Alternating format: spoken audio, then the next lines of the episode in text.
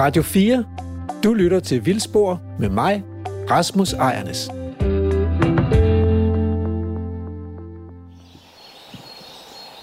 Vi er ude i naturen. Fugle fuglene synger, og, øh, og, og der er heste, der vrinsker, og, og vi er faktisk nærmest ude i skoven, og, og det er mange hundrede år siden, at der rendte heste rundt i vildt i de danske skove. Det gjorde man i gamle dage, så de der trækheste, man skulle bruge om foråret, så for at slippe for at føde på dem om vinteren, så, øh, så smed man dem ud i skoven, så måtte de skulle klare sig selv mellem ulvene ude i skoven og se, hvad de kunne finde at æde. Men sådan er det jo ikke længere. Hestene, de, de bliver passet godt på i Danmark.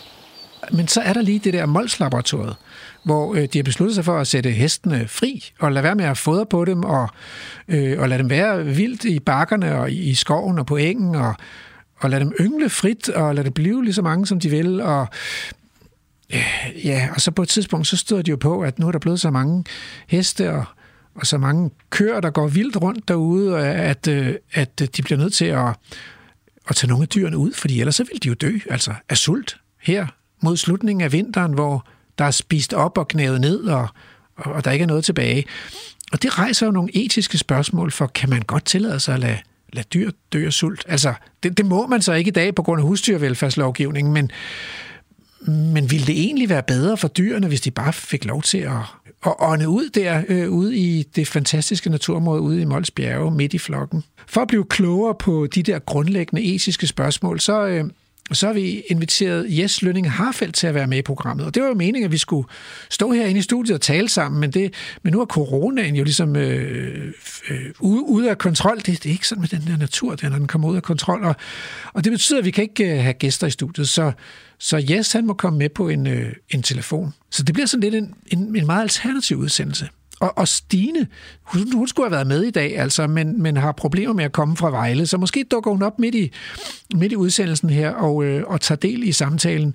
Øh, og Stine har den særlige kvalifikation, at hun selv holder vilde heste øh, i, øh, i naturforvaltningen øh, for, på forskellige danske naturområder, så hun ved, hun har indgående kendskab til de her hestes øh, liv og, og lidelse og død, og, øh, og hvad, hvad de kan gøre for, for naturen, og hvad det kræver at sætte dem fri der kommer altså ikke nogen naturtelefoner, fordi arterne de er bange for at ringe ind for at få corona eller eller noget. Og øh, der kommer heller ikke nogen, øh, nogen ugens tråd i dag. Det, det var stadig ikke helt klart, hvem der skulle lave et haiku, så vi slutter udsendelsen af med et haiku battle.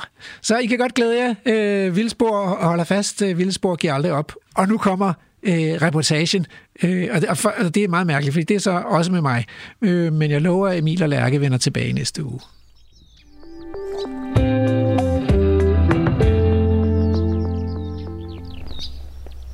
Vi er kommet til Molslop nu, og øh, i dag skal det handle om øh, sultne dyr. Dyrene har gået derude hele vinteren, så nu er de rigtig sultne. Og de dyr, vi taler om, det er jo køer og heste. Og det er mig, I hører, øh, Rasmus Ejnes. I dag så øh, har jeg simpelthen overtalt Lærke Emil til, at jeg tager feltreportagen, fordi jeg er så rasende nysgerrig efter at se det her øh, Molslaboratoriet lige netop nu i, øh, i forårsmånederne, hvor, øh, hvor dyrene har spist op herude. Øhm, og for at blive klogere, der skal I ud over at, at lytte til mig, så skal vi også øh, se, om vi kan få fat i øh, Kent Olsen fra Molslaboratoriet, der ved noget om, hvordan, øh, øh, hvordan at, øh, at området er indrettet, og hvordan de passer på dyrene, sådan, så de overholder alle de regler, der er for, for husdyrvelfærd og sådan noget. Og stadigvæk får noget, øh, noget god og spændende vild natur. Øhm, og så, så kan det jo godt være, at øh, Andrew han øh, får lov til at at stille et øh, godt spørgsmål eller to, sådan, så I slipper for at høre på mig hele tiden. Men også sådan, at jeg kan jo, jeg kan jo fortabe mig i detaljerne, og så er det jo meget godt, at, at lytterne også har en, øh, en stemme her, der siger, Rasmus, hvad i alverden snakker du om? Og så lover jeg, at øh, i næste uge, der er Lærker og Emil øh, i felten igen. Men, øh, men først så synes jeg lige, vi skal gribe fat i Annie, fordi øh, Annie øh, Kelsen, hun er nemlig øh, øh, bossen, madmoren, øh, inkarnationen af øh, Mols her på stedet. Og, øh, og hun har været med på hele rejsen. Og, øh, og, og så er hun ikke biolog. Så derfor så tænker jeg, at øh, det tror jeg i hvert fald ikke. Faktisk ved jeg ikke. Annie, er du biolog? Nej, det er jeg ikke. Det er jeg ikke. Men jeg er daglig leder her på Mols Det er det, du er? Ja, og det er sådan, jeg kender ja. dig? Ja. Og har lært dig at kende igennem mange år? Ja. Så du har været med på hele rejsen? Det har jeg, ja. Hvor mange år har du været her? Jeg har simpelthen været her i 34 år. Wow! Still alive, ja. Absolut, ja. Sejt. Altså, ja. øhm, altså, vi er taget ud i dag for at se på, øh, lid, vi, vi er ude efter lidende dyr. Sultende, lidende dyr, der har det hårdt efter en lang øh, vinter. Og øh, det er vi spændt på, om vi finder. Men, øh, men du har været med på hele rejsen fra, I havde øh, Galloway-kvæg i øh, naturplejen. Har I også haft får, mens du har været her? Også for, ja. Det ja. havde vi. Indtil midt-90'erne, der øh, drog forerne væk herfra. Fordi... Og så har vi haft Galloway'ene indtil øh, vi så startede med rewilding i øh, november 16. Okay. Var Galloway'ene her øh, alene, kan man sige, ikke også? Og, og hvor hestene kom til os.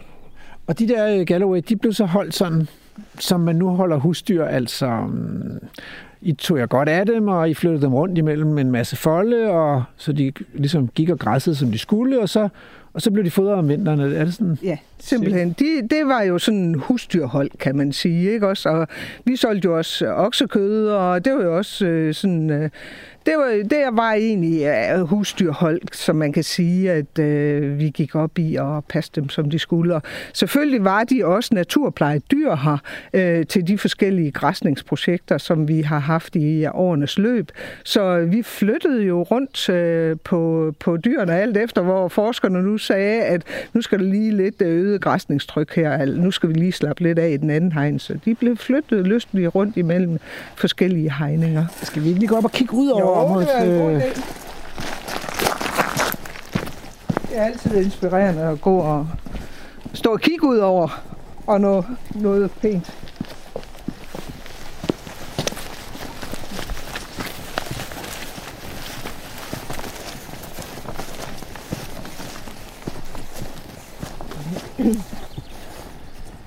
Ja, vi går over på græsplænen, og nu kommer vi hen til hegnet og kigger ud over øh, ud over det rewildede landskab. Mm. Og, øh, og mirabellerne, de skal til at blomstre nu. Ja, de står lige på spring. Ja. Og så er der jo noget her, der er åbent landskab, åbent græsningslandskab, men der er også, øh, der er også noget krat og noget skov, og jeg kan både se fyretræer, egetræer og birketræer, og, og der er noget, noget gyvel og sådan noget. Er det, er det alt sammen med i, øh, det har, det, det har vel ikke altid været en del af, af naturplejearealet? Nej, det har det faktisk ikke. Det vi står og kigger ud over lige nu, det er Keltoft. Det har altid været en del. Det har også været en hegning tidligere. Ja. Ja. Øh, skoven, som vi står og kigger på hernede, det var egentlig ikke øh, øh, altid været en del af, af, af hegningerne. Så, øh, så det er kommet til øh, i og med, at vi lavede øh, den store hegning, hvor at, øh, jo det hele er med i de 120 hektar nu. Så nu har I en stor indhegning, og nu bliver dyrene ikke længere fodret, og øh, de bliver ikke længere slagtet, så der bliver ikke uddelt kød fra stedet her, mm. og I har meldt ud af landbrugsstøtteordningerne. Hvordan, hvordan opleves det? Hvordan føles det? Er det trygt eller utrygt? Eller? Det er simpelthen bare så fedt. Det er simpelthen så fedt. Altså, alt det der, der var med, øh, øh, vi skulle flytte dyr rundt, alt efter hvordan øh, øh, både madmængden og, og øh, græsningstrykket i forhold til forskningsprojekter skulle være, og nu skulle vi også lige sørge for, at der var i forhold til øh, hektarstøtteordningerne, nu skulle vi også lige sørge for, at der var græsset nok her og der, og det var et gedemarked i en anden verden. Det er super, super fedt det her, og øh, dejligt, dejligt nemt. Så... Rent administrativt, så, så var det jo simpelthen en opgave også, ikke også? Altså, og, og skulle søge. skulle søge og skulle overholde, og man konstant øh, næsten tænkte, åh, kom der nu kontrol, og det gjorde der altid, fordi de kunne godt lide at komme herud, øh, tror jeg. Ah, ja. Øhm, så, så det var vi hele tiden sådan opmærksom på. Gør vi nu det rigtige, og gør vi nu? Og det gjorde vi jo ikke. Det var derfor, vi gik over til det her. Og nu bruger I simpelthen den moderne teknologi, at øh, dyrene de har ben. Ja. Så de går selv derhen, hvor der Simpelthen. er noget mad. Ja. Det er jo fantastisk. Og det er nogle vanvittigt gode dyr, vi har. De er rigtig, rigtig gode til at være de dyr, som de er. Øh, de er rigtig gode til at leve på det her areal. Øh, på godt og ondt. For det er jo sådan, det er. De skal jo selv finde føden her. Og, øh, og det de var faktisk vanvittigt gode til. Men, men prøv at høre, nu må de jo være enormt sultne, og, øh, og det kan ikke blive ved på den her måde på et tidspunkt. Så er der ikke mad nok, og så er der nogen, der bukker under, og, og ikke kan klare det. Mm-hmm. Hvordan har du med, at, at, at du kunne lige smide en høbal ind til, til køerne og hestene? Er det ikke fristende? Nej, det er godt nok ikke fristende. Øh, de går på 120 hektar, og, øh, og ja, selvfølgelig øh, øh, svinder madmængden nu her på det her tidspunkt. Det gør det, men det er jo det vilkår, som dyr har.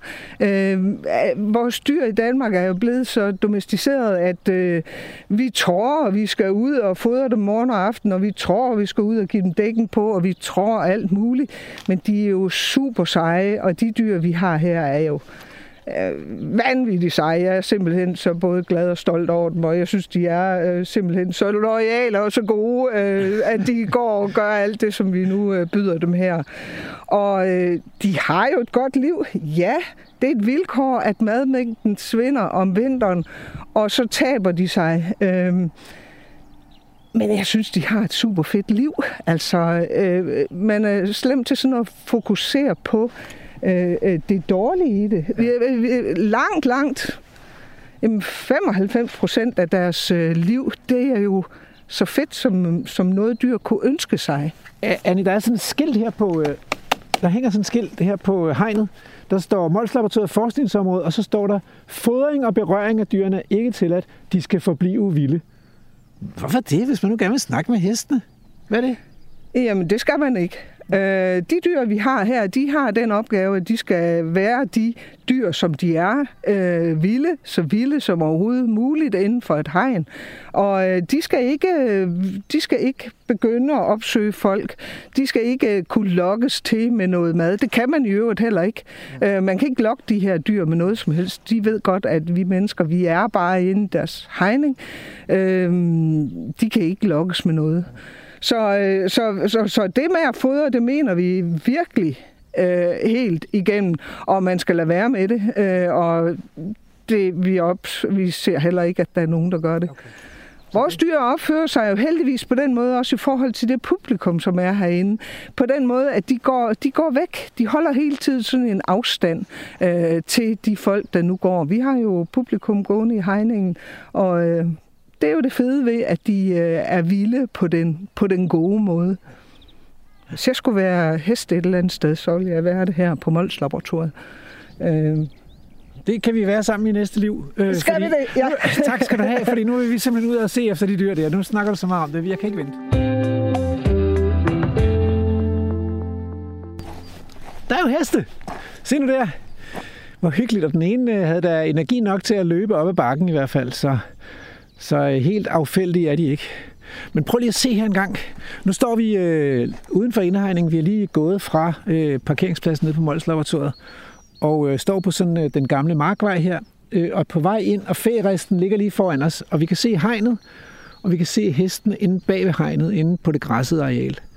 Øh, men vi kan også se det, der ligger uden for hegnet her, og kontrasten er jo fuldstændig rasende stor. Så uden for hegnet, der, der har vi sådan en, ja, måske en klassisk dansk grøftekant, hvor man, øh, ja, man kan næsten sådan, jeg ved ikke, om man kan høre det, men jeg står og sparker i sådan nogle store øh, græsture. Og det er det, som vi vil kalde, vi biologer vil kalde førnehelvedet. Det er den klassiske danske udyrkede natur, hvor der har været en kraftig vækst hele sidste år, og, øh, og der har ikke været nogen at spise af alle planterne her. Så der er bare dødt græs i, øh, i tykke ture øh, og modder, som ligger oven på jorden, og som kvæler alt tilløb til, hvad kan man sige, spirende planter. Øh, og som giver et helt andet sådan udseende og mikroklima. Og hvis vi sammenligner med, med det, der er inde på den anden side af hegnet, så er der sådan helt spist op, så øh, alle græsstående er knævet tæt ned, og øh, man kan se, at bakken der er øh, gyldenbrun eller gyldengrøn af mosser. Øh, de her mosser, som elsker at få, at få lys, og som bliver kvalt i det her græs, i de her store græsmotter uden for hegnet. Men der er altså plads til, at de kan komme frem og, og vokse her i vinterhalvåret. Og så er der fuldt af, og det kan vi måske se, når vi kommer derind, men der, der er sådan fuld af små rosetplanter, øh, Øh, som, som har, hvor lyset, der kommer helt ned til jorden, gør, at de sådan kan sprede deres roset af blade ud. Så. Nu kommer hestene løbende. Jeg ved ikke, om de er nysgerrige eller hvad, men øh, måske er de en lille smule nysgerrige efter at se, hvad der foregår. De holder jo behørig afstand. De er jo på en 20 meters afstand eller sådan noget. De er våde i pelsen. Det, øh, vi har været super heldige, fordi da vi kørte herud, der, der regnede det, og det var tåget, og, og vi sad og tænkte, ej, for pokker, jeg har glemt mine regnbukser. Øhm, men det bruger sådan nogle heste jo ikke, så de er, de er våde i pelsen efter regnen. Nu er det klaret op, og fuglene synger. Og der var lige en, der fik tæsk der og blev nappet bag i. Ej, hvor er det fint. Der er lidt rivaliserende der i, øh, i flokken. Der er nogle ting, der skal sættes på plads. Ah, men altså. Der, er jo, der foregår masser af ting Så. Den bliver bare nappet solidt bag i den ene af de der to. Jeg tror, det er hopperne, der er oppe og slås. Jeg ved ikke, hvad i alverden det er, de skal have sat på plads her efter vinteren.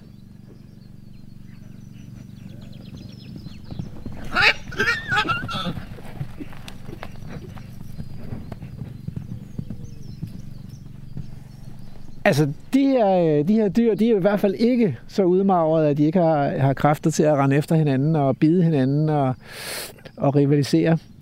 Øh, så vi må ud og se, om vi kan finde nogle dyr, der... Så nu går den ene af dyrene i, i gang med at spise gyvel. Det er så en hest, der har fået et uh, øh, GPS-halsbånd på. Og den har et føl, fordi følget søger efter, om der skulle være en lille tår mælk der. Det er ikke sikkert, der er meget at komme efter nu på den her tid. Nej, den ser ud til ikke at få noget. Nå, men det her med sådan at gå og nappe gyvel, det er, jo, øh, det er jo ret interessant, fordi noget af det, der sker med de her dyr, det er, at de bliver så sultne, at de er villige til at æde næsten hvad som helst her mod slutningen af, af vinteren. Og, øh, og gyvel, det er altså en af de ting, der, den er en lille smule giftig og smager ikke så godt. Men der er næring i den, og, øh, og hvis man bliver sulten nok, så, så æder man også lidt gyvel. Og gyvel er en plante, de har bøvlet en del med her på Mols Laboratoriet. Det, den har sådan en, øh, en evne til at brede sig, især hvis, øh, hvis der er forstyrrelser, og spire i den blottede jordbund, og, øh, og så kan den danne nogle store, tætte krat og kvæle øh, al mangfoldigheden. Og nu har man valgt at give slip på gyvlen, ligesom man har givet slip på hesten og køerne. Og øh, så er det jo super spændende at se, om der bare, om verden drukner i gyvel, eller om, om de sultne dyr kan holde den i skak.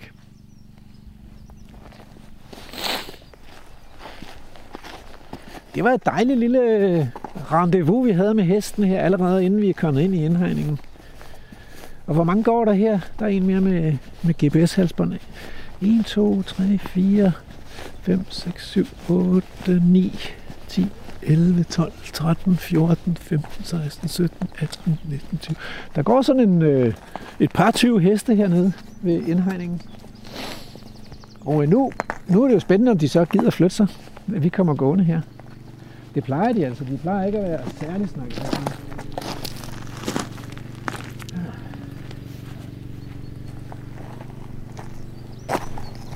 Andrew, er du bange for heste?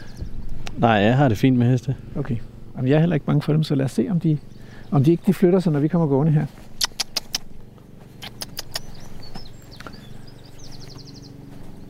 Ja, de gider ikke at flytte så meget, var. Vi kom sådan helt ind på et par meters afstand, faktisk.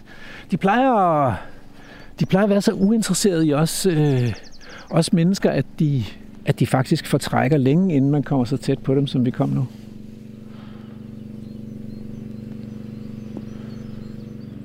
Jeg ved, om de også kan mærke, at det er forår. Det må de næsten. Altså, der er fuglesang i luften, og solen er brudt igennem, og, og der er simpelthen smukt her. Det er jo, øh, det er jo forbudt at fodre hestene her, og, øh, og det er netop for at undgå, at hestene bliver opsøgende. Åh, oh, der var lige en, øh, en hest, der tog, tog for sig af egetræet derhenne det er, jo, det er jo også noget af det, som hestene spiser om øh, efter sådan en lang vinter her, og i løbet af vinteren også. Altså kviste og, og skudspidser fra træerne. Så derfor så ender man med at få sådan et landskab, hvor man, øh, hvor man kan se, at øh, alle grenene op til bidehøjde, det vil sige hest, det hestene kan nå, de er gnavet ned, og så får man sådan et savanneagtigt landskab, hvor man kan se ind under alle træerne. Øhm. og det vil man få efterhånden. Nu er de gået herinde i tre år, men man kan allerede godt se, ikke, at man kan, vi kan kigge ind under det der egetræ, fordi at øh, grenene nede i bidehøjde, de er, de er stort set gnavet ned. Nu går hesten op og, og ser, om den ikke lige kan nå en lækker kvist mere et eller andet sted der. Hop. Det er bare, det er jo rasende hyggeligt. Og det er jo klart, at hvis den havde sådan en, en bunke lækkert frisk hø fra som var blevet høstet omkring Sankt Hans sidste år, og med masser af næringsstoffer og sødt og sådan noget, så ville, så ville den selvfølgelig foretrække det frem for det der sure egetræ. Her står hesten og knupper hinanden. Altså, der er jo ikke nogen tvivl om, at de har gang i noget socialt her. Før der var der, blev der uddelt tæsk. Den ene hopper efter og bed den anden, og nu er der så et følge fra sidste år, der står og bliver, og bliver nusset og, og knuppet, og, og det står og nusser tilbage igen. Så de står og klør hinanden og knupper hinanden. Men der blev det tæsk der. Up. Ja, ja, men altså, sådan er, det, sådan er det også for mennesker. Vi skal ligesom have afgjort, hvordan, hvem det er, der bestemmer, og hvem det er, der tager føringen, og hvis idéer, der skal køres med. Det kender vi godt på øh, Vildsportsredaktionen. Nå, men de, øh, altså, vi er jo også kommet ud for at se på lidende dyr. Og øh, der, altså bortset fra, at man godt kan se, at de er sultne. Prøv nu at se de to heste der. De, de knæver græs, og det er nede i, du ved, det er nærmest millimeter græs, de kan få fat i, fordi der i forvejen er græsset ned som, nærmest som en golfbane. Øh, så sultne det er de, og vi så en spise gøvl, og vi har set en stå og, og gnave grene af egetræet. Øh, så der er ingen tvivl om, at der er ikke meget at komme efter. Men der er lærkesang, og det er forår. Der står to derinde, ved du, hvad det går ud på? Det Nej, der er to, der er kommet ind i en indhegning, og det er jo, det må vi spørge kendt om, fordi det er nemlig en mulighed, at det er to dyr, der er faldet for, øh, for fitnesskriterierne, og som derfor er blevet øh, hegnet fra, og som skal flyttes til ud af området, øh, fordi de ikke længere er i, i god nok hul. Og, øh, og det kan jo være derfor, at resten af flokken har stillet sig omkring hegnet her, øh, fordi de er vant til at være sammen. Øh, det ser lidt på, en lille smule påfaldende ud, ikke? som om de ligesom... Øh, ja, som om de står og ikke rigtig kan forstå, hvorfor, hvorfor der er to heste, der er blevet hegnet fra. De, de står jo lige ved siden af hinanden, faktisk, ikke? De står, lige ved, de står lige ved siden af hinanden, men altså, der er to heste, som nu går inde bag ved en indhegning, som er sådan en fangfold. Øhm, og der står de sådan lidt og kigger. Og de andre heste, de står sådan lidt uforstående udenfor. Så det, der, det synes jeg er meget interessant, at, øh, at den der sociale flokstruktur, den er så stærk, at, øh, at det kan da godt være, at de, øh, at de skrænter lidt, de to heste der, men resten af flokken har altså ikke opgivet dem endnu.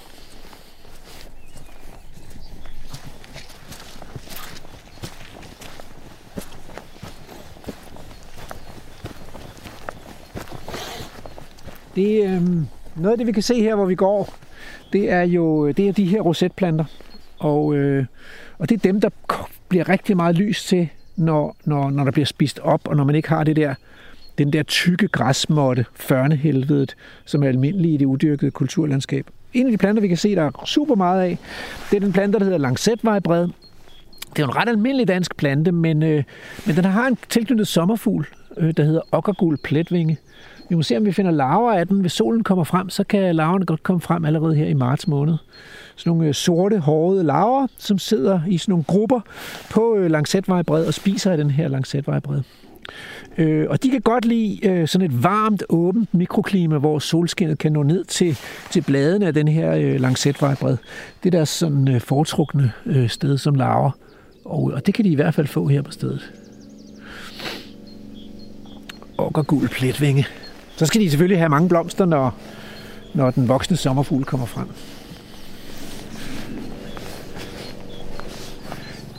Altså det man jo, øh, det vi jo kan se her, hvor vi går nu, det er, at, øh, at her er meget gyvel. Så det er et af de områder på Mols, hvor der er meget gyvel. Og de står i sådan nogle grupper, men øh, hvis man går lidt tættere på gyvlerne her, så kan man se, at øh, hvis man nu tager sådan en som denne her, at øh, der er blevet bit af spidserne, og så er, er gyvlen blevet trådt ned, og flere af grenene er ligesom sådan knækket. Og, øh, og grunden til, at det er sket, det er jo, at, øh, at de her dyr de har været så sultne, så de har ligesom skulle mosle ind imellem de her gyvler, for at spise det græs, der har stået i øh, sommerens løb og fået, fået fred til at vokse sig stort og lækkert herinde mellem gyvlerne, fordi der har dyrene ikke givet at gå herind. Og så pludselig er det blevet interessant at gå hen om vinteren, og så kommer de herind, og, og man kan tydeligt se, at de slider på gyvlen, så den, øh, gyvlerne de bliver bukket ned, og de knækker, og, og så kommer der lys ind imellem. Så ind imellem gyvlerne her, der er der faktisk lys nok til, at der kan vokse de her øh, græslandsplanter, som er så vigtige for insektfaunaen og for sommerfuglen og sådan noget. Så der skal nok komme en rig blomstring ind imellem gyvlerne her, øh, når det bliver sommer igen. Øh, og det er super interessant, fordi hvis ikke der havde været græsne dyr, så havde det her gyvelkrat, det havde lukket sig helt tæt, så der er blevet mørkt og skygget og uinteressant for både blomster og sommerfugle i, øh, i den kommende sommer. Men på grund af dyrene her, så er der blevet åbnet op og gjort plads til, at der kan komme lys ind i bevoksningen her. Og så er det måske slet ikke noget problem længere, at der står nogle gyvler. Det interessante er også, at der faktisk er en stor del af den hjemmehørende insektfauna, som lever på gyvel. Så der er masser af forskellige insekter, der lever på gyvel, så, så, så, så måske er gyvlen ikke så stort et problem, som man har gjort den til hidtil, hvis bare der er store dyr i økosystemet. Rasmus, du sagde, at gyvel var giftigt, og jeg ved ikke, om folk måske kan blive lidt forskrækket af at høre, så spiser hestene det, men de kan vel ja. godt selv styre det. Ja, ja men det, det er noget af det, som stedet har måttet høre for, det er, at øh, gyvel er giftig, og hvordan tør I lade hestene gå og spise det? Og æren, der er rigtig mange egetræer, og de der egetræer, de laver æren, og de falder ned. Og æren er også kendt for at være giftige. Så der er eksempler på, at heste ligesom har forspist sig i æren, og er, kommet, altså, er blevet syge af at æde æren. Øhm, og der er også engbrandbæger herinde. Det er også en plante, der er giftig. Det har bare vist sig, ikke, at hesten har spist noget æren, og de har spist noget gyvel, og ja, de har klaret det fint. Så på en eller anden måde, så har de en eller anden evne til selv at regulere det så det ikke bliver for meget. Og få det blandet med noget andet kost, så, så det alligevel glider ned. Måske, måske venter de med at æde de der æren til, til, til, til noget af giftstoffen ligesom er blevet vasket ud, øh, og de har ligget lidt på jordoverfladen. Jeg ved det ikke, men øh, de klarer den i hvert fald overraskende godt. Nu er klokken er faktisk næsten halv. Jamen, vi skal tilbage og se, om, øh, om Kent har tid til at tale med os og gøre os lidt klogere. Vi har allerede flere spørgsmål, der er dukket op her.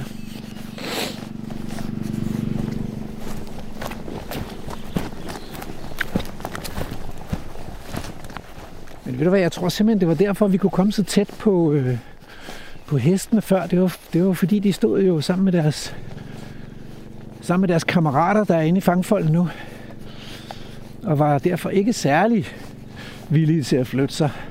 Så der er en hestesolidaritet. Og man kan godt se, at det ene dyr der er meget magert, ikke? Ja.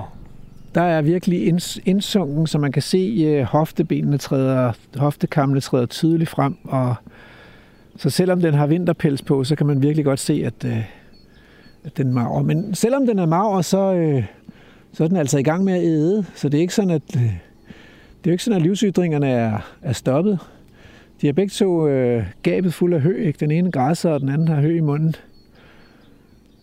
Så de er ikke selv, de er ikke selv opgivet, opgivet livet endnu. Men der bliver et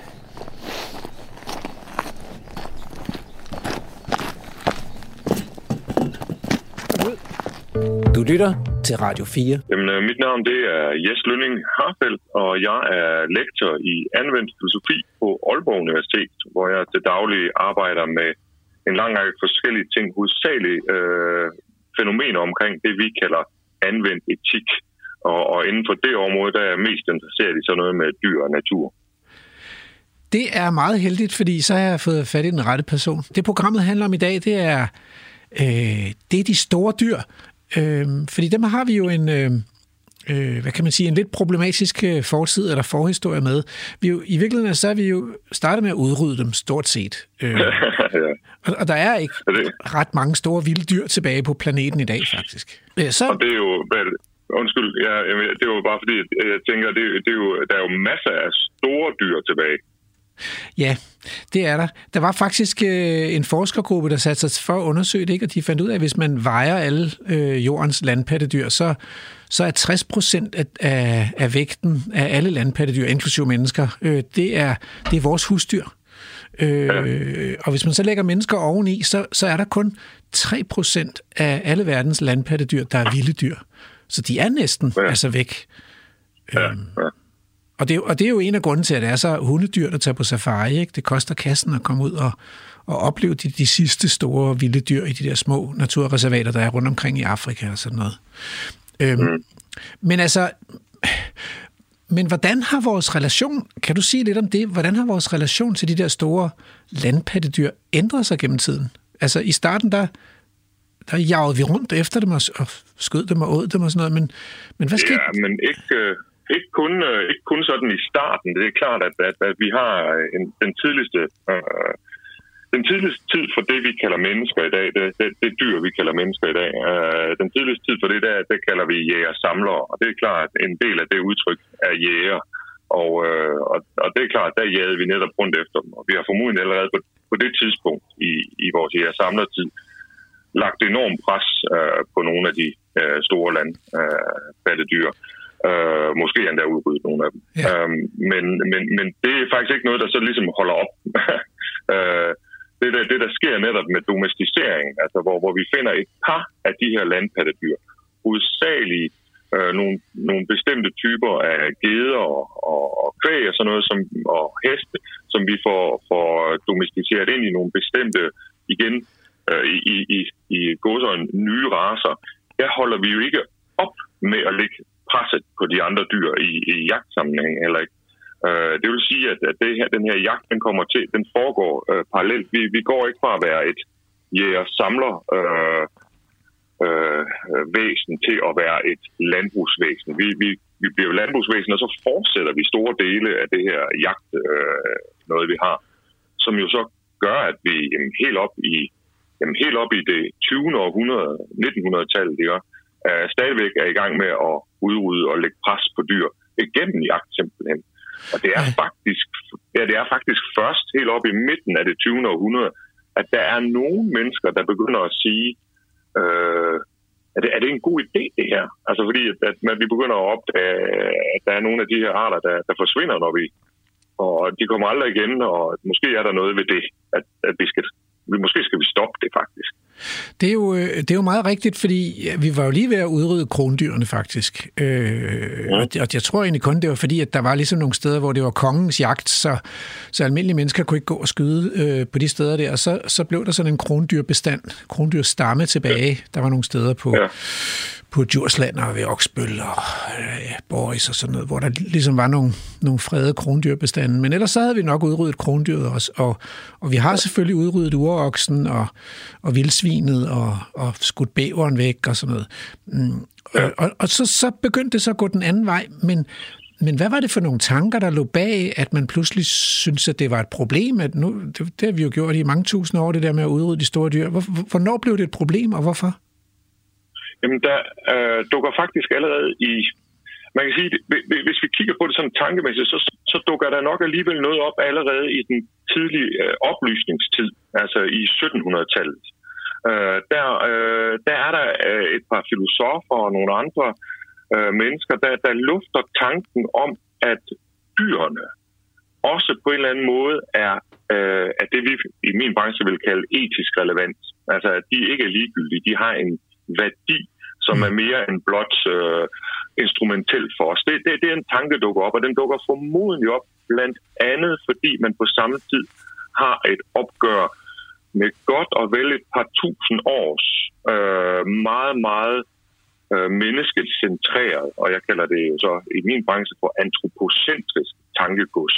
Og det er noget, der har eksisteret hos de gamle grækere, og det er noget, der fra de gamle grækere er arvet ind igennem øh, især i vores verdenshalvdel øh, kristendommen, som jo var meget øh, konkret om, at, at, at resten af skaberværket var til for vores skyld. Altså det var ja. godt nok Guds skabt, det var Guds skaberværk derude, men det var skabt for vores skyld. Og derfor, den, den tanke, vi bliver lige nødt til at have et opgør med grundlaget for den tanke, før vi kan tænke noget andet. Så det er i, i starten af oplysningstiden, vi har en, der hedder Jeremy Bentham, som er en af de øh, første sådan reelle filosofer, en økonom og filosof fra England, som i, øh, i slut 1700-tallet siger, at de der dyr der, de, de kan jo alle sammen lide, så vidt vi ved. Og, og, og det, det må være et af de der perspektiver, vi skal kigge på. Det må være lidelse. Det, det må være etisk relevant, uanset hvad, hvad, hvad en eventuel Gud måtte have, have, have med mening med resten. Altså, øh, altså det der med, at det der med, at det hele, at det hele er menneskets, altså den øh, meget antropocentriske tilgang, og så, og så det der begyndende opgør, at man opdager, at der, der er noget, som, som måske ikke er mennesket. Jeg synes, det er lidt interessant, det der med, med hvem ejer naturen, altså, og, og hvis er naturen. Jeg, jeg, ja, jeg og kan... det er, det, Undskyld, ja. Ja, men det var fordi, jeg, jeg kan huske, at jeg på et tidspunkt øh, læste, jeg, jeg begyndte at interessere mig for det her med ejendomsret til naturen. Hvordan kan man, hvordan kan man eje naturen? Også fordi jeg, jeg, jeg oplever jo nogle gange i dansk naturforvaltning, at noget af det, der står, står lidt i vejen for at give plads til den vilde natur, det er, at der er nogen, der ejer naturen. Og det er sådan set, uanset om det er et stykke land, de ejer, eller om det er nogle, nogle dyr, de ejer, fordi de ejer landet, så ejer de også de dyr, der går rundt på landet. Øhm, at så kan det så, sådan ligesom stå i vejen for, for den vilde natur. Og så, og så stødte jeg på ham der, den engelske filosof, der hedder John Locke, Øh, jeg ved ikke, om jeg udtaler ja. ham korrekt, men han har skrevet, skrevet noget om property rights. Og, øh, og, det, og, og han stiller det der spørgsmål, hvordan kan man, hvordan kan man egentlig eje noget af naturen?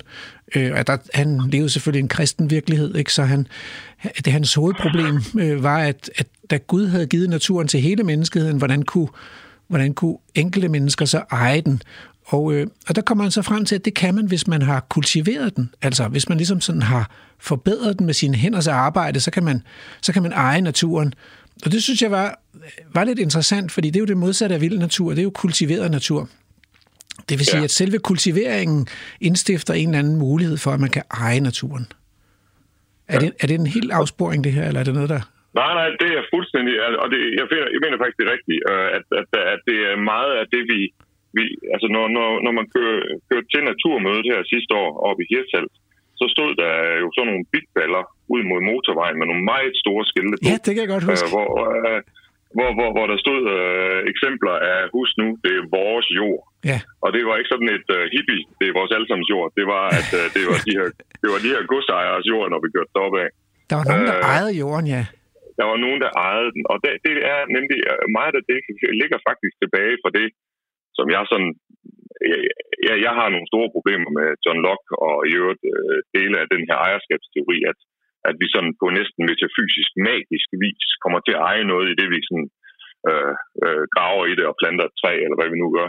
Øh, det, det ligger der en masse øh, store problemer i. Jeg tror faktisk måske, at det er et af de grundlæggende problemer, ikke blot i, øh, hvad det hedder, hvordan vi forvalter ting, altså sådan rent praktisk, at, at der er nogen, der der ejer noget jord, hvor de må gøre nogle ting på, som kommer os alle til last, men også sådan i, i, i jeg mener sådan i sådan rigtig konkret øh, forstand, altså at, at, at vi forestiller os, at det er vores på en måde, som er overvurderet. Øh, og uden at han skal bringes alt for meget ind i det, så øh, her i dag, så, så har vi jo en, en, en dansk teolog og filosof, der hedder K.E. Løstrup. Ja. Og øh, som faktisk øh, men nu handler programmet jo en lille smule om Mols, og der, der boede han jo ude.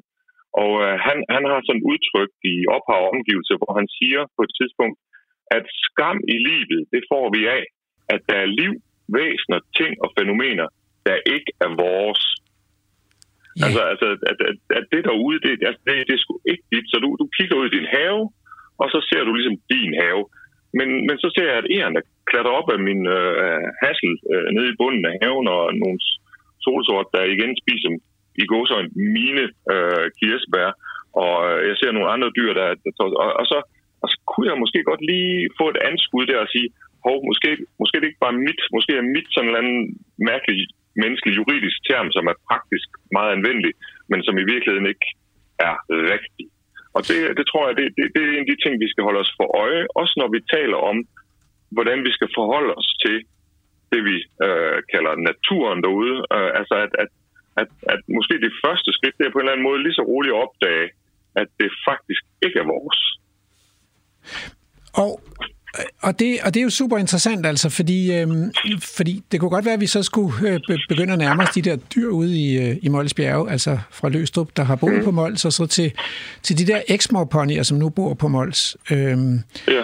øh, fordi, øh, fordi øh, i en eller anden forstand, altså, så er det sådan, at samfundet betragter jo de der dyr som øh, Molslaboratoriets dyr. Øh, det er jo selvfølgelig også dem, der i sin tid har indkøbt nogle heste og, og sat dem ud i den der indhegning. Men de har så besluttet på Molslaboratoriet, at de vil melde sig ud af, af, af landbrugsstøtteordningerne, fordi de har ikke tænkt sig, at de skal bruge dyrene til nogen. Så de skal ikke, det er ikke brugsdyr eller husdyr i den forstand. De, de forsøger at dedomesticere dyrene. Så nu, kom, øh, nu, nu dukkede Stine simpelthen op øh, ud af det blå. Det er den mærkeligste, det, det er den mærkeligste vildspor, vi nogensinde har lavet. Men øh, hun kommer direkte ud fra, øh, fra, fra regnvejret og, øh, og fra øh, corona-virkeligheden. Og, øh, og kommer, har nu mulighed for at springe ind i samtalen. Øh, velkommen, Stine. Mange tak. Så mit spørgsmål er, hvordan skal vi etisk set se på de her dyr? Altså, samfundet har besluttet sig for, at, at det kan godt være, at Mols Laboratoriet har, har forsøgt at melde sig ud af, af landbrugsstøtten, og det kan godt være, at de gerne vil gøre dyrene vilde. Og det kan godt være, at de ikke har fodret på dyrene nu i tre år. Men, øh, men øh, ikke desto mindre, så opfatter samfundet dem stadigvæk som landbrugsdyr. Hestene skal chippes, og køerne skal øremærkes, og de er forpligtet til at øh, opfylde husdyrvelfærdslovgivningens regler, og de skal score dyrene, og hvis, og hvis dyrene øh, falder under nogle fitnesskriterier, så, øh, øh, så, så skal de øh, tage dem ud. Øh, så, men etisk set, øh, er, de, er, de, er dyrene så, kan vi, kan vi betragte dem som vilde, eller, eller er vi nødt til at betragte dem som vores dyr, vores ejendom? Eller det interessante med, ja, altså det interessante med uh, rewilding-projekter og også det, der er gang i ude i Mols uh, bjerge der, det er jo, uh, at, at, at vi, vi har gør med et, uh, et, et relativt nyt fænomen. Uh, det, det, det er dog alligevel, der, der er, hvad skal man sige, noget af det har eksisteret i rigtig, rigtig mange år. Uh, det der med, at, at vi har forsøgt at Altså, du, du sagde selv øh, noget om, om de her krondyr, som var blevet reddet ved, at, øh, at det var kongens jagt. Mm. Uh, altså, det, det, var jo, det, det kunne man faktisk også godt se som en slags uh, af den slags projekt, at vi, vi vil gerne have, at naturen er på en bestemt måde, og at dyrene i naturen er på en bestemt måde, og mm. derfor sætter vi nogle regler op for det. Men, men de her sådan regulære rewilding-projekter, og de har faktisk fra starten af interesseret filosoferne.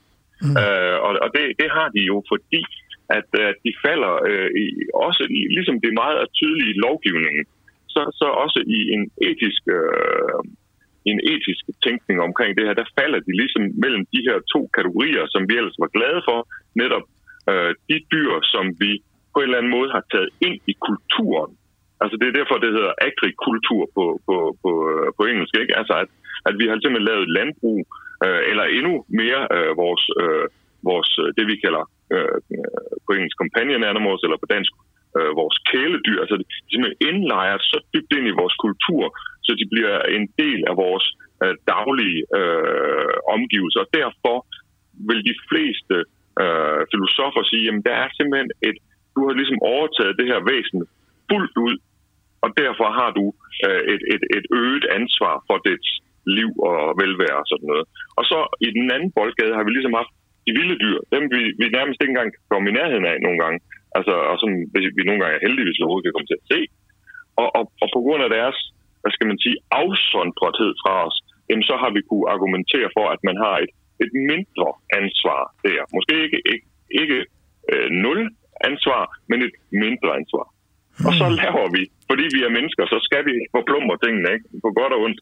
Så laver vi nogle projekter, hvor vi tager den ene gruppe dyr, altså de domesticerede dyr, som vi har i vores øh, kontrollerede agrikultur, og så, og, så, og, så, og så laver vi projekter, hvor vi gerne vil gøre dem til den anden gruppe.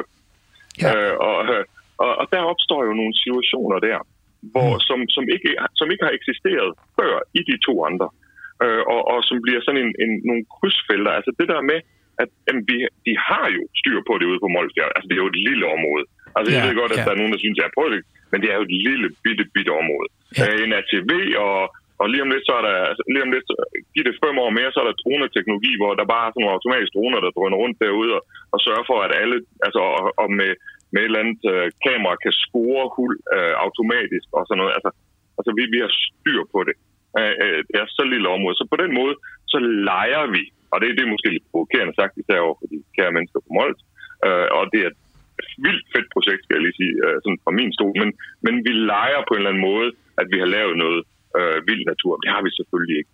Og, og, og men, det, men her er det jo vigtigt, det faktum, ja, her er det jo vigtigt at, at, at holde fast i, ikke, at, at der er så ikke længere nogen urokser og vildheste, fordi Nej. ud, begge Nej. arter er uddøde, så, så det er jo selvfølgelig det, der er baggrunden for, at, at de forsøger at demos- domesticere dem. Det er ikke kun for sjov.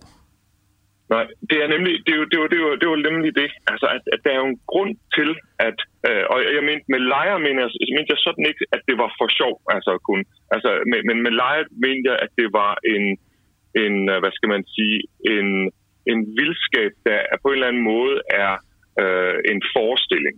ikke? Øh, og, og, og, men, men, men der er jo en mening med denne øh, mellemkark, mellemting her. Og det er jo, at vi vil gerne have noget bestemt natur. Ja, Altså, det er, jo, det, er jo, det er jo det, vi vil. Altså, vi vil simpelthen gerne have noget bestemt natur. Og derfor så, så, så og det er her, hvor, hvor, hvor, hvor vi er over i det måske, øh, fordi øh, de husdyr, vi har til daglig, mm. ikke? Øh, de har øh, et mål. Det er, at de, og det er lige meget, om det er din hund, eller om det er det der slagtesvin. Ja. Øh, det, de, er, de er der for menneskets 100% skyld på en eller anden måde. Vi kan godt behandle dem på måder, som er gode, men, men, men de er jo ligesom til for os. Ja. Og her forsøger man på en eller anden måde at sige, vi, vi kunne godt tænke os, at naturen øh, den var anderledes, end den var. En af måderne, vi ved, det kan lade sig gøre på, det er at lade nogle bestemte typer af dyr gøre nogle bestemte ting i naturen. De Hey, typer jeg, jeg, nu, bliver, jeg, nu bliver jeg nødt til at stoppe dig her, fordi øh, øh, øh, altså, jeg tror, det er vigtigt, at vi har en fælles forståelse af, at der er noget med baselines her. Så det er ikke Ja. en bestemt... Det er faktisk forestilling er, og det, og det er jo også interessant etisk, forestilling er, at man kan lave en naturlig natur. Så, det, Ja. så der, der er ikke et bestemt billede, det er faktisk en, hvad kan man sige, det vi kalder open-ended management. Ja. Om Må jeg bryde ind med et faktisk- det er- spørgsmål her? Ja, Og så. Stines kommer lige på her også. Mange tak. Yep. Jo, øhm, det er det, du siger med, at det er lidt forestillet. Lidt forestillet, mm. at det bliver vild natur på den ene side. Ja. Som jeg ser det nu, kom Rasmus lidt ind på det med en naturlig natur. Med den viden, vi har i dag, kan vi se, at hvis vi ikke har de her store græsser ude på vores naturarealer, så er der en hel masse af vores andre arter, især vores vilde blomster, som forsvinder. De bliver simpelthen udkonkurreret af blandt andet græsset øh, på et område. Så vi har, tænker jeg, på den ene side øhm, dilemmaet med, at vi har de her dyr, som vi på en måde har noget ansvar for, og som vi begrænser til et lille areal og sætter ud under nogle, nogle af os valgte forhold øh, på den ene side. Og på den anden side, hvis vi ikke gør det, så vinker vi farvel til en lang række arter. Og der vil jeg gerne høre, hvordan etisk opvejer du øh, kvæd og hestes velfærd som individer mod plantearter, der forsvinder, hvor jeg tænker, det lyder mere etisk ukorrekt at udrydde plantearter. Omvendt tillægger vi dem jo ikke følelser på samme måde, som vi gør med kvæg og heste. Hvordan øh, vil du etisk forholde dig til det? Jamen, øh, det, uh, det er jo, altså, Stine, det, er jo, det, er jo, det fylder jo det meste af filosofihistorien, det der. Øh, fordi det, du arbejder med der, eller det, du taler om der, det er en eller anden form for værditeori. Altså, øh, og det, det, det er egentlig godt, at vi bringer det på banen, fordi jeg tror, at det er en, en del af rolen til øh, diskussionen om rewilding-projekter. Det er et værditeoretisk enten skæld eller, eller uenighed. Altså, og du, du, jeg synes, du skitserer det rigtig godt. Øh, vi har en tendens, eller det er i hvert fald typisk, at nogle mennesker, eller næsten alle mennesker, øh, siger, at, at øh, nogle arters overlevelse har en eller anden form for værdi. Altså nogle arters eksistens. Og, og, og Det har en der- berettigelse der vil- i sig selv, kan man måske sige. Ja, måske behøver det ikke engang være i sig selv nøjagtigt, men altså, at det i hvert fald af en eller anden årsag øh, har øh, værdi, at, at, at de, er- de er til. Øh, og og- det, det er sådan en, øh, det, det øh, vi vil kalde sådan et, et, et klassisk øh, miljøfilosofisk øh, standpunkt. Og dem er der mange af der. En, en af de mest berømte, øh, der, der gør det her. Han hedder Holmes Ralston III. Det er en amerikansk, vist nok stadigvæk nu levende øh, filosof fra Colorado. Og øh, han tager det perspektiv, at, at der simpelthen, og, og på, på mange måder lidt østrobiansk, altså på mange måder, så, så, så er de der andre arter og andre væsener derude, og det, her snakker vi altså helt ned fra, fra klokkeblomsten og, og, og sommerfuglen, som vi må anse. Ingen af de to har sådan en eller anden øh, bevidst øh, idé om, at de gerne vil være i live. Og, øh, og der, at, at, der, at der er værdi i det. Har værdi i sig selv. Selv hvis vi ikke værdsatte dem, altså os mennesker. Og, og ja, endda selv hvis der ikke var nogen dyr med højere øh, kognitive øh, processer, der værdsatte dem.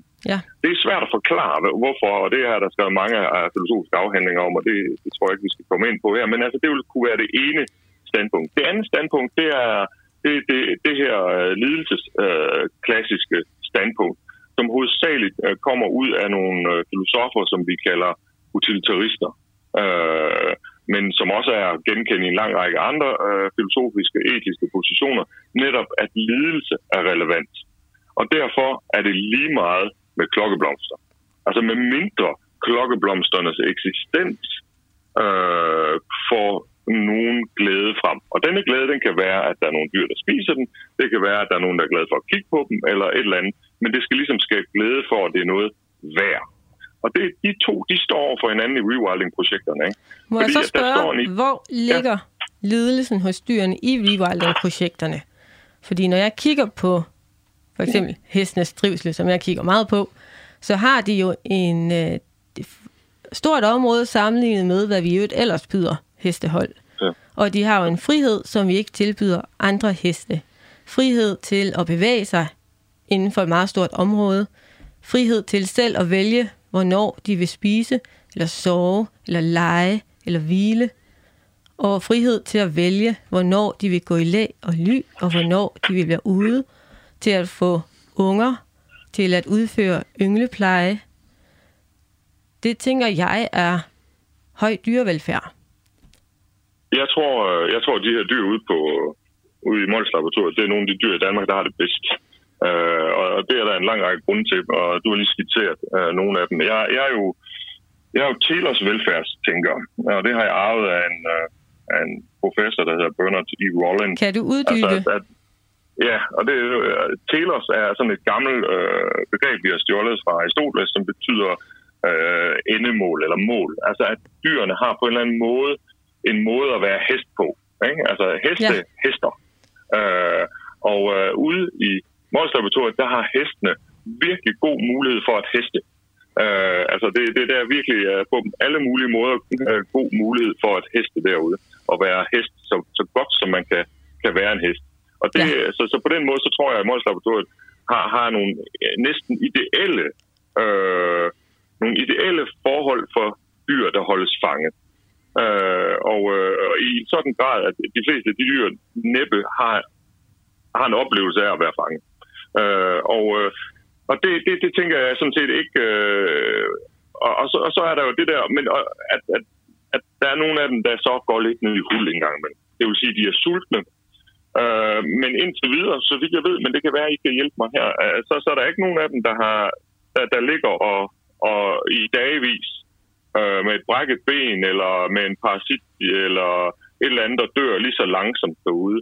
Og, øh, eller er sult for den sags skyld, ligger lige så roligt og dør af sult. Det, det, det er så vidt jeg ved øh, ikke en, en del af processen øh, i Morslandsfjord lige nu. Jamen, det, det var vi ude at kigge på jo, øh, fordi det var, vi var lidt nysgerrige ja. efter det, fordi det er jo det der smalle tidspunkt på året lige nu, hvor der, der er mangel på mad, så så det, man kan sige derude, det er, at dyrene bliver tvunget til at æde noget, de helst vil være fri for at æde. Øh, det er der ja. ingen tvivl om, fordi de er sultne. Og der er ingen tvivl om, at de taber sig øh, derude. Øh, og, og de taber sig i en grad, hvor, hvor der er, jeg kan ikke huske, om det er 15 eller 20 dyr, der er blevet taget ud, fordi de er faldet for kriterierne. Så de ligesom, man har ligesom set, at de her dyr, de ville, hvis naturen gik sin gang, så ville de så ville de nok ikke komme igennem øh, vinteren, øh, frem til det bliver varmt og græsset for alvor begynder at gro igen derude. Øh, og de fleste af dem er så taget ud, sådan som vi også oplevede derude, ved at de er blevet gennet op i en trailer og kørt hen et andet sted, hvor der var mere mad. Men der er også nogle af dem, der ikke var til at indfange, og som så er blevet skudt på arealet. Øhm, ja. og, og det er jo ikke, øhm, hvad kan man sige, det er ikke Rewilding-projektets eget ønske, at det foregår på den måde, men, men sådan er de danske, altså det er jo en landbrugsforanstaltning faktisk. Ja. Så det interessante spørgsmål kunne, høre, øh, kunne jo være om, mm, hvordan du vil stille dig etisk til, at man lod naturen gå sin gang. Jamen altså, det, jeg, jeg har to Kære lyttere, vi pauser lige samtalen med Jes Lønning Harfeldt her, da vi skal have nyhederne på Radio 4. På den anden side af nyhederne er vi tilbage igen med anden del af feltrapportagen og anden del af samtalen med Jes.